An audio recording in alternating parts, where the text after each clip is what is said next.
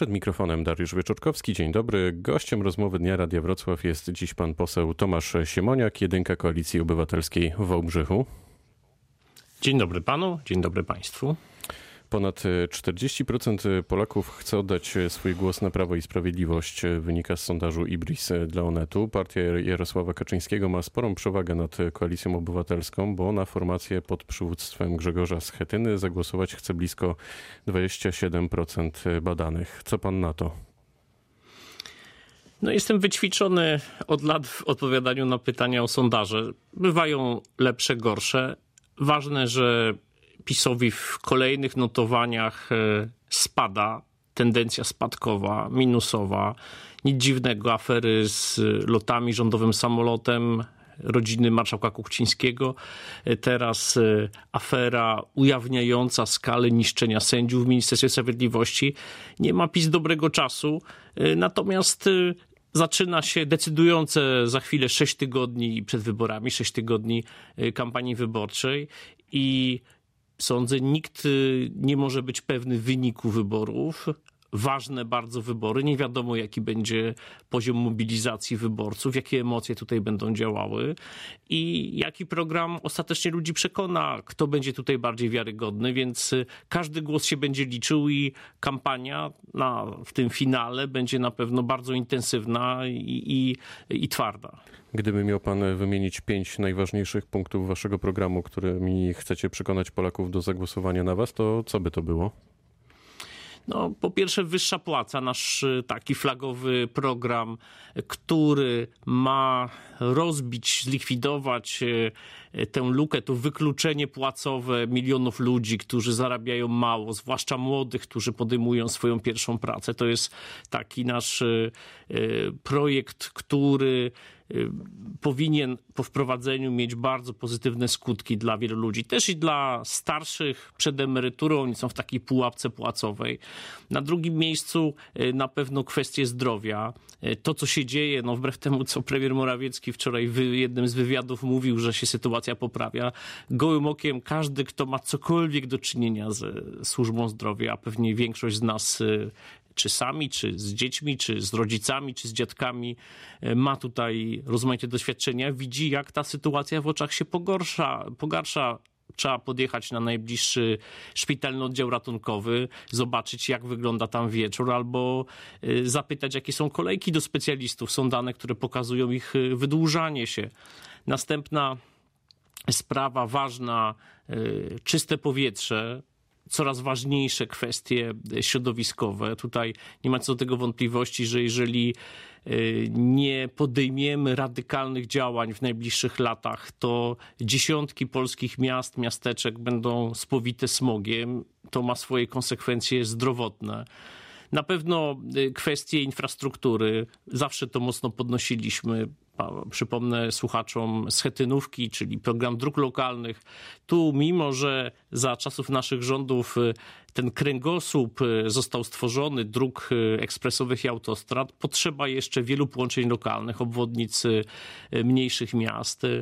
Na pewno są to kwestie związane ze, ze szkołą. Tu szkoła jest w fatalnej sytuacji po reformie minister Zaleskiej y, i y, trzeba tutaj rozmaitych działań, które uzdrowią szkołę. Nie tylko, tu mówię o takich kwestiach ustrojowych, tym, że wtłoczono mojej córki, to na przykład dotyczy e, trzy lata programu w dwa lata i ona w siódmej klasie od ósmej do szesnastej e, codziennie musiała siedzieć. No dwunastoletnia dziewczynka, bo poszła od sześciu lat. Także szkoła wymaga naprawy. No, no dobrze, to też... trochę, trochę pan wymienił faktycznie. Wymienił pan pięć obszarów. Myślę, że niebawem wyborcy to zweryfikują. A jakimi najważniejszymi problemami żyją mieszkańcy Wałbrzycha pana zdaniem? No to są kwestie takie, które dotyczą całego południa Dolnego Śląska, e, mianowicie e, taką chęcią, żeby reszta południa Dolnego Śląska, w tym Wałbrzych, e, dorównały Wrocławiowi i jego najbliższej okolicy w jakości życia, w jakości usług, w tempie rozwoju. No to są problemy. To są problemy też i takie, dokończę jeszcze, jak w całej zachodniej Polsce rewitalizacja, to znaczy są setki, tysiące kamienic, które po niemieckich jeszcze, które się sypią, w których są fatalne warunki i Wałbrzych i inne miasta e, tego obszaru no, mierzą się z tym problemem, który wykracza absolutnie poza skalę działania samorządu. Wałbrzychowi? Ja przypomnę, że w 2015 roku rząd Wykopacz wprowadził Wałbrzych do takiego pilotażu rewitalizacji obok Łodzi i Bytomia. No tu potrzeba pomocy rządowej, pomocy europejskiej. Pieniądze europejskie to jest y, szansa na odrobienie tych zaległości, na szybszy rozwój. Dlatego y, Wałbrzych y, należy do jednych z najbardziej proeuropejskich miast w Polsce, ogłosiła Rada Miasta rok 2019 e, rokiem Europy w Wałbrzychu i rozmaite projekty, jak obwodnica, jak e, rozmaite projekty związane z ochroną środowiska, no są finansowane ze środków europejskich. A proszę myślę, powiedzieć, że... nim, nim został pan jedynką e, kilka tygodni temu, jak często w ostatnich czterech latach bywał pan w Wałbrzychu? No trudno mi to wymierzyć, y, bo rozmaite są powody. Moja mama mieszka w Wałbrzychu, cała rodzina, są groby moich dziadków, ojca, y, także bywam z rozmaitych powodów, y, często czasami takich też zupełnie prywatnych. Oczywiście praca poselska ma swoje wymagania, są dyżury, także mam poczucie, że w Wałbrzychu i, i w innych miastach okręgu bywam często, zapraszają mnie ludzie na różne imprezy. Y, na różne przedsięwzięcia, także te, te problemy są mi bliskie. Te cztery lata dla mnie były takim powrotem też do wielu spraw, wielu znajomości z młodości, bo tam kończyłem liceum, zdawałem maturę, więc y, y, jest w tym wiele też i takich pozytywnych emocji, spotkań, odtworzenia dawnych kontaktów. Także jestem bardzo mocno, czuję się mocno związany z Wałbrzychem i z Y, cał, całym tutaj okręgiem wyborczym, bo, bo to dawne województwo wałbrzyskie to też, też y, był taki obszar, nie wiem, i spędzania wakacji, ferii, Kłodzko, okolice, także to, to jest jeden z najpiękniejszych kawałków Polski i na pewno moje serce tam jest bez przerwy. No to y, pięknie się pan zareklamował. Kazimierz Ujazdowski jako kandydat Koalicji Obywatelskiej do Senatu nie odbije się wam czkawką? To bardzo dobry kandydat. Ja mam okazję rozmawiać e, często z e, Kazimierzem Michem Jazdowskim. Wcześniej znałem tak trochę, ale od roku dość często i uważam, że jest to świetny polityk z głęboką wiedzą, e, także międzynarodową, także na temat kultury i myślę, że to jest bardzo dobra kandydatura, zwłaszcza, że A myśli pan, że wyborcy to zrozumieją? Wyborco, ja jestem o tym przekonany, bo jego kandydatura jest takim silnym znakiem, nie wiem, obok Pawła Kowala czy Pawła Poncyliusza, że prawdziwi konserwatyści e, nie są dzisiaj w PiS, są w Koalicji Obywatelskiej, e, szerokim bloku, gdzie są i politycy bardziej lewicowi, ale że właśnie ci konserwatywni się tutaj dobrze czują i e, taki państwowiec jak Ujazdowski, no bardzo wyraźnie wskazuje na te złe rzeczy, które PiS zrobił z konstytucją, trybunałem, sądownictwem, myślę, że e, ten głos e, przez naszych wyborców jest e, bardzo słyszany, bo bardzo wiarygodny. A pan premier Mateusz Morawiecki, jak wczoraj w wywiadzie dla TVN24 mówił o tym, że prezes Jarosław Kaczyński byłby lepszym od niego premierem, to był pan zaskoczony taką deklaracją? No byłem zaskoczony, bo myślałem, że lepiej wybrnie premier Morawiecki z arcytrudnego pytania, no bo to jest nienaturalne, żeby premier jakiegoś kraju przyznawał, że jest ktoś lepszy od niego. Ja nie spotkałem takiego premiera w Europie czy na świecie, czy prezydenta, który by e, coś takiego powiedział. E, to jest e, taka specyfika relacji w Prawie i Sprawiedliwości, gdzie no, premier nie jest do końca premierem, prezydent nie jest do końca prezydentem. Wszyscy zależą od prezesa, jak od kiedyś pierwszego sekretarza partii. Pamiętamy, przynajmniej część słuchaczy w moim wieku i starszych dobrze pamięta PRL, no to tak to właśnie e, funkcjonowało. E, więc e, spodziewałem się, że premier Morawiecki zręcznie jej odpowie, natomiast być może miał wiedzę, że prezes ogląda jego wywiad, więc odpowiedział w, w taki sposób, no wierno poddańczy po prostu. No nie podobało mi się to.